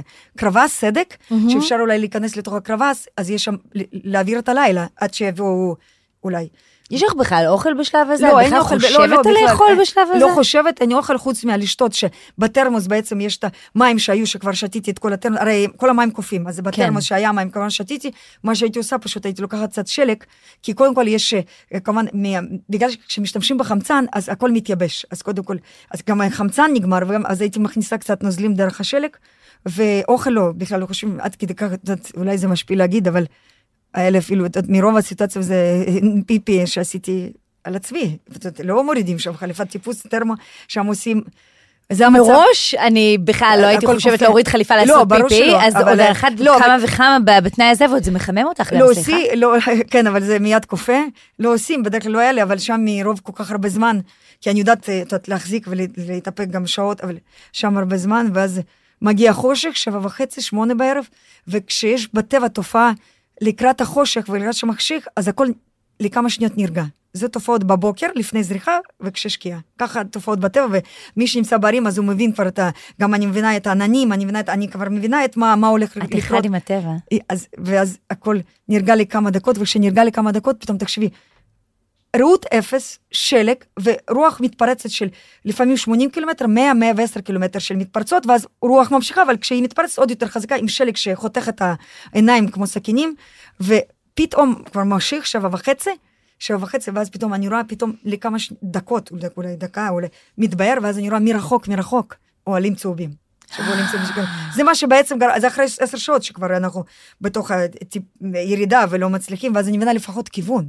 כי תחשבי, וואו. הכל לבן, אני אפילו לא יודעת, אני, חוץ מתחושה של טיפוס למעלה או למטה, זו תחושה היחידה, יש לי, אין לי תחושה ימינה-שמאלה, זאת אומרת, הכל לבן, ערפל, אני גם לא יודעת מה מצפה לי, אולי שם יש סדק, קרבס, אה, אה, אה, תהום, חוץ, ואז אני רואה שזה הכיוון של האוהלים, וזה לוקח עוד ארבע שעות להגיע לאוהלים, ושם אני מבינה שהזיק של תקווה, שבעצם לפחות אני מבינה שזה הכיוון, וזה לא היה כזה רחוק, את יודעת, יחסית, זה לא היה כזה רחוק, פשוט לא ראינו לאן לרדת. וואו. כי כל הזמן, ואז אה, אני מגיעה לקראת, אה, אנחנו מגיעים לקראת עשר וחצי, כן, ש- 11, משהו כזה, לקמפ שלוש, כבר הגיעו שני חבר'ה שכבר חילצ... אה, מבחינת החילוץ שהזיקו אותם, הם כבר בקמפ שלוש, אה, שם נותנים לי מים חמים קצת. אז זה הדבר הראשון ש... שקורה? מים חמים? מים חמים נתנו, כן, ו- ואוהל, שאפילו אוהל שם שהיה כזה קרוע עם הרבה זבל, אני זוכרת בתוך האוהל, כ- ו- ואנחנו נכנסים ואומרים ש...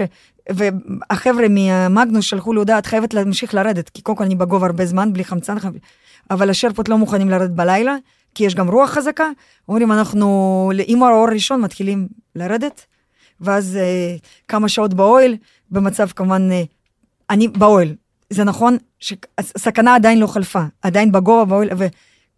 אבל חייבים, על מנת, זאת אומרת, לשרוד, חייבים לרדת בגובה כמה שיותר, במצב שלי, ועם אור הראשון אנחנו מחליטים לרדת. אה, כמובן אה, שרפה אחד מקדימה, כבר שרפה שלי כבר לא מתפקד, אה, שרפה מאחורה, אנחנו קשורים ואנחנו מחל... יורדים, אבל שוב, אני בכוחות שלי, זה לא שסוחבים אותי, ברור. פשוט מאבטחים אותי משני כיוונים, ואנחנו יורדים כי יש קירות, קודם כל, הרי טיפסנו, עכשיו צריך לרדת, כי קירות, שזה קיר- קרח שצריך לרדת, עם טכניקה של rappelling, סנפלינג, ואנחנו יורדים, ולוקח עוד 12 שעות להגיע לקמפ 2, קמפ ש- ואז אומרים, אנחנו עושים הכל בשביל להביא מסוק לקמפ 2, אבל המזג האוויר שוב לא מאפשר, ואז הם אומרים לי מקמפ 2, את צריכה לרדת לבייסקמפ. זה לוקח עוד 15 שעות לרדת לבייסקמפ, ואני מגיעה לבייסקמפ, ושם בעצם כבר מצליחים להביא מסוק, גם זה לא מובן מאליו, מסוק בגובה 5700, מסוק מיוחד שהוציאו את כל הכיסאות, את כל זה שיהיה קל, ובעצם עצם זה שהצליחו להביא מסוק לבייסקמפ, כי אחרת הייתי צריכה לרדת לבד בכוחות שלי למקום ש... והביאו, אז אה, ישר לבית חולים, וכמובן טיפול באצבעות, היו לי כוויות אה, באצבעות, בעצם זה שכתבתי הרי הודעות, אז הייתי צריכה להוריד את הכפפות, כל הכפפות, אז אי אפשר היה, היו לי שלוש כפפות, כפפה דקה, כוויות ועוד... קור נוראיות, כוויות- נמק כמעט. ועין, עין שלא ראיתי עצם זה שהורדתי את הגוגלס והכל, ושלג שחתך לי, אבל הכל בסדר כי... זה כמעט לא יאמן שאת יושבת מולי כאן היום, לא רק בחתיכה אחת, יפה, יפה. בחתיכה אחת. אז זה שהצליחו להביא את המסוק, לשים אותי בבית חולים מיוחד שהוא מתעסק בכוויות קור ועיוורון שלגים, בעצם זה אהה. המומחיות של הבית חולים, טיפלו בי יוצא דופן, וזה הסיפור, אבל הסיפור ותודה תודה לבחור שהקריב את חייו 50 מטר לפני הפסגה של האברסט, כך נשמע. כן. וואו. זה, זה, אלו הסיפורים, דברים שקורים, שלוקחים, כמובן, אני לא, יודע, לא רוצה שישתמע, כי חלק אפילו כתבו לי, מה את בכלל לא חושבת על הבן שלך, את לא חושבת בכלל, שאת, אני לא יוצאת למשימת התאבדות, לא, לא, לא, אני עושה כמה שאפשר לבוא יותר מקצועית, עם הציוד הכי טוב, עם אה, אה, משלחת הכי מקצועית. ודברים קורים, דברים קורים, צריך לדעת איך להתמודד עם הדבר. זה שקיבלתי החלטה 120 מטר לפני הפסגה, בתנאים שעשיתי את כל השקלול של דברים וקיבלתי החלטה, כמובן זה הניסיון, כמובן אחרי אברס שבעצם לימד אותי עם החמצן וכל הדבר הזה, וזה הגיע, וזה לימד אותי, והפעם, איך אני אומרת, הר, הכי חשוב שהר יקבל, אבל עוד יותר חשוב שהר ישחרר. אז הפעם הר לא קיבל אותי, אבל הוא שחרר אותי. זה הכי חשוב שהר שחרר אותי, ואפשר לי להגיע הביתה, לחזור הביתה שוב, ולהיות פה ולספר את הסיפור. זה לא פחות חשוב. אני אומרת, להישאר שם על ההר, גם להגיע לפסגה, ולהישאר על ההר, ולא לחזור לספר את הסיפור, זה מורכב, בעייתי. הכי חשוב זה גם לחזור ולספר את הסיפור. דניאל, את אה, תתפסי ותגיעי לפסגת המקלו? כן, שנה הבאה, אפשר להגיע... בלי למצמץ בכלל, את אומרת לי, כן, בשנה הבאה ויש תאריך. זה תכנון, כן, קודם כל. מקלו אפשר לטפס באפריל-מאי, זו העונה, עם הפקת לקחים, עם הרבה לקחים, עם הרבה הבנה. אה, כמובן יש יעדים גם בספטמבר אה, לטפס אה, הר גבוה, אבל בשנה באפריל-מאי, לצאת למסע מקלו, לנסות להפיל לי פסגה, ולבקש מהר שיקבל אותי, והכי חשוב שישחרר, עם הרבה הבנה, הרבה יותר ידע והכנה, וכן, לנסות. אף אחד לא מבטיח שאני יכולה להגיע לפסגה, אבל אני רוצה לנסות להפיל לפסגת הר מקלו, ו... רגע לפני הסוף, שאני לא מאמינה שהוא הגיע, אני חייבת לשאול, מה את הולכת לארוז מבחינת אוכל למקלו? וואו, אה, אז ככה, אז אני, קודם כל, כל אדם לומד מה טוב לו ומה לא טוב לו. למשל, אני יודעת ש... פינוקים, אני קודם כל אה, פינוקים, אז אני יודעת ש... שוב, שוקולד קופא, אבל יש סוכריות גומי שאני בחיים לא נוגעת בחיי יום יום שלי פה בארץ, או בכלל, אבל שם זה כל כך הולך טוב, סוכריות גומי. אז קודם כל סוכריות גומי שאפשר ככה, אז אני ככה, אני ברגעים הקשים, אני יודעת שיש לי, אני שמה ואני מפנקת את עצמי. אה, כמובן אה, שקיות אוכל, שזה שקיות שמוכנות, זה כמובן. כמה קלוריות יש בכל שקית כזו שאת לוקחת? 600-800 קלוריות, 600-800. זה לא מספיק, אבל זה יותר טוב, לפעמים, שתי שקיות, כמובן שביום, שוב, זה משקל, אז אם יש שתי שקיות זה דבר טוב. שתי שקיות ליום בערך? כן, שתי okay. אוקיי. שקיות. כמובן אני לוקחת, הכי חשוב להגיד, אה, אלקטרוליטים, אבל באבקה, שאני יכולה לשים במים. הרי מים שם ויטמינים, מינרלים, אין שם שום דבר, מים משלג, כלום. כן. אז אלקטרוליטים זה מאוד חשוב. מלחים. שזה מלחים, בדיוק. מלחים. אה, כמה אה, כאלה ליום? בליטר אני שמה אה, שתי כפות, או אם זה, אם זה שקית של שתי כפות, כמובן אני חוסכים שם, הרי כל דבר הוא משקל, אז אני חוסכת, אבל שתי כפות לליטר של אה, ג'לים, ג'לים, שוב, ג'לים שם לא כל כך הולכים, אבל גם קופים, אז מה שאני מצאתי את השיטה, שאני פשוט שמה את זה, ב... פותחת את הג'ל ושמה את זה אפילו קפוא כמו גוש במים חמים, וזה נמס, ואז זה גם עובר בגרון יותר טוב. איפה יש מים חמים? מים חמים כל הזמן עם הגז, מפשירים מהשלג, mm. מפשירים כל הזמן. מים חמים אין בעיה, שלג אין סוף. עכשיו, לוקח זמן, ליטר מים שלוש שעות. עכשיו, גם הרתיחה שם זה שונה, כי בגובה זה לא 100 אחוז, רתיחה זה 60-80 אחוז, תלוי באיזה גובה, אז גם המים חמים, לא המים, זה מים פושרים. אבל... אה, וכמה ליטר מים שותים ליום, נניח ממוצע במסע כזה? צריך לשתות אה, שניים, שני ליטר לפחות. לא תמיד יוצא, אבל לפחות אני, שני תרמוסים, אז אני מנסה לפחות מקפידה שני תרמוסים לסיים ביום, mm-hmm. וגם בקבוקים מיוחדים, שאני ממלאה את זה במים חמים, ואז אני, איזה בקבוק הזה יש רב שימוש, גם בקבוק חם שאני ממלאה, ואז אני שמה בשק שינה לפני השינה, אז הוא מחמם קודם כל את שק שינה, וגם גורם קצת לנוחות ככה וחום בתוך האוהל ובשק שינה, וגם המים האלה בבוקר שנמצא בשק שינה שותים. כי בסופו של דבר הרי בבוקר הם גם מתקררים, אז משתמשים במים האלה, מה שאפשרתי, פשוט... כל דבר הוא מחושב. כן, כי את לקחת, את השקעת את האנרגיה בשביל להפשיר אותם, אז, אז בלילה לא משמש מחמם אותי, ובבוקר אני שותה, וגם אם יש אפשרות מצחצחת שיניים, הרבה פעמים גם מוותרים על צחצוח שיניים, הרבה מוותרים על שטיפות כמובן ידיים, לשטוף פנים, אלו דברים לא לטובת ההישרדות, הרי לטובת ההישרדות צריך נוזלים להכניס לתוך הגוף. איזה שיעור בקיימות. ולסיום, דניאל, יש תשובה ששאלתי בתחילת הרעיון בפרק הראשון, ועוד לא קיבלתי עליה תשובה. למה? כאילו התראיינתי אצלך לפני חמש, חמש שנים, mm-hmm. אה, הייתה לי תאונת סקי, הייתה לי תאונת סקי ב-2011, נסעתי לסקי, קודם כל עשיתי ספורט, כל החיים אני עשיתי ספורט, גם כילדה שחיתי, טניס שיחקתי, אף פעם לא התחרתי, זאת אומרת, בתחרות אה, אה, ספורט אתגרי, אה, אפילו לא רצתי לפני זה, לא טריאטלונים, לא אירומנים, לא שום דבר. עשיתי ספורט, אהבתי mm-hmm. ספורט כחינוך, חלק מהחינוך. והיינו עושים גם סקי. נסעתי לחופשת סקי עם הבן שלי ועוד חברים לבולגריה, לבנסקו. Mm-hmm. ושם מה שקרה ביום השני של הגלישה, אה, סקי, אה, נפלתי מהרכבל, mm-hmm. מהרכבל של שישה מטרים גובה. וואה. קרה במקרה, קרה, ישבתי על הקצה של הרכבל הזה, הנדנדה הזו הפתוחה עם הברזל. כן, ואז מה קרה? מה שקרה, שברתי את רגל ימין, שברתי את עצם ירך, רגל ימין, ובעצם שם ניתחו אותי, ושם אה, אה, אה, טיפלו בי, לא יכלו כמובן להטיס אותי חזרה לישראל, ו, ודווקא שם, במקום הזה בבית חולים, mm-hmm. אני אומרת, למילים יש כוח ולמילים יש כוח. שם אני הבנתי שאני כבר הולכת להיות מוגבלת, uh-huh. אני הולכת להיות נכה. עכשיו, קצת אחורה אני גם אחזור, בטח שמת לב, את יודעת, אני חוויתי חינוך רוסי, אני הרי נולדתי ברוסיה, חינוך רוסי, למה אני מספרת את זה? חינוך להישגיות ודיסציפלינה סובייטית שכל הזמן דורשים להיות הכי טובה, הכי טובה ועוד יותר טובה, ואף פעם לא מספיק. אף פעם לא מספיק, אף פעם אין גבול לדבר הזה, וזה החינוך שאני קיבלתי כילדה, עם אימא רוסייה, עם דיסציפלינה סובייטית, שאף פעם לא אין חיבוק, אין נשיקה, אין מילה טובה, תמיד רוצה עוד ועוד ועוד. נשמעת כמו ממש לי לבלט. בדיוק. וזו הסיבה, למה אני אומרת, ואני אומרת לעצמי, רגע, אמנם אני אז באותה תקופה 33, בת 33, כבר, איך אני אומרת, עורך הדין, כבר יש לי בן, עכשיו אני נכה, מוגבלת. הדבר הבסיסי שכל העולם, כל בן אדם על פלנטה יודע ללכת, אני לא יודע לעשות. הרי לא לימדו אותי בחינוך הרוסי להיות מוגבלת, נכה. תחשבי, זה דפקט. וואו. ואני שם שוכבת ואומרת לעצמי, אני עוד אראה לכולם, אני עוד אוכיח, אני עוד אגיע לפסגת אברסט. לא באמת התכוונתי, התכוונתי כמטאפורה של המטאפורה, אבל גיאוגרפיה ידעתי, את יודעת, כמטאפורה, להיאחז במשהו. ברור, כולנו אומרים, האברסט האבר- האברסט. זה בדיוק. שגור מאוד. אז היום אני לוקחת את זה ואומרת, "אה, ושם דווקא מהמקום הכי נמוך שלי, מבחינתי זה המקום הכי נמוך שלי. הגעתי למקום הכי גבוה, תרתי משמע, נקודת עולם. כמובן חזרתי לישראל, ושיקום היה ארוך, לקח שנתיים עד שבכלל התחלתי ללכת, הייתי הולכת עם אה, הליכון וצולעת וקיצור רגל, אה, ו- לא רציתי לקבל את זה, אמרתי, אני נכה, איך לחיות עם זה? מבחינתי זה התהום, הנקודה הכי נמוכה, אני. חלק יגידו, תגיד תודה, את חיה, בריאה, מה, אז זה קצת צולעת, מה קרה?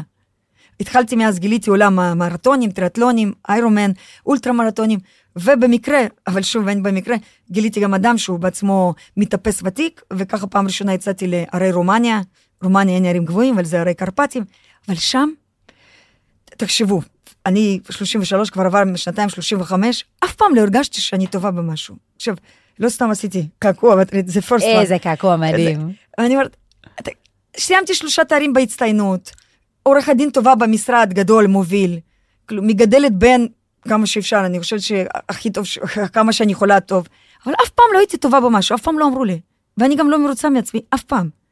ובערים שם, כי למה אני מסבירה, אני אומרת, מאיפה זה בא? שם בערים, דווקא בערי רומניה, בקרפטים, ברומניה, הרגשתי איזשהו משהו, סוף סוף הרגשתי שאני, כאילו, גרסה טובה של עצמי. סוף סוף וואו. אני, כאילו, אני לא יכולה להסביר את, את התחושה הזו, הפרפרים בבטן, אה, ש- שליוו אותי שם, ו... כי ראיתי אנשים שלא הייתה להם שום מוגבלות. אנשים כל הזמן התלוננו, וקצת היה להם קשה, ולא רצו להקים אוהל, לפרק אוהל, אה, אה, אה, להכין אוכל, אה, קר להם, רוצים הפסקות. ואני מרגישה שאני רוצה עוד מהדבר הזה. עוד, ולא הבנתי, אז חזרתי לישראל, התחלתי להבין מה זה הדבר הזה שהוא תפס אותי שם, כל כך שהרגשתי שם סוף סוף טובה במשהו. וזה קטע, כי כלפי חוץ, אנשים מסתכלים עלייך, אומרים, איזו אישה מוצלחת, היא טובה בזה ובזה ובזה, וקריירה, ו- ומגדלת ילד, וספורטאית, ואולטרה מרתון, ואיזו מוצלחת, אבל את כלפי עצמך הצלחת להרגיש את מה שכולם חושבים עלייך, רק בערים. וואו, דניאל, אין לי מילים. זו הייתה שיחה באמת מרתקת. תודה רבה. המון תודה שבאת. תודה רבה. ואין מה לעשות, אנחנו ניפגש אחרי המקלו, אחרי שתשובי מהפסגה. וואו, כן, יכולנו לדבר ולדבר, ואיך אומרים בנפאל, נמסטה, נמסטה, ותודה רבה. תודה רבה שהגעת. תודה.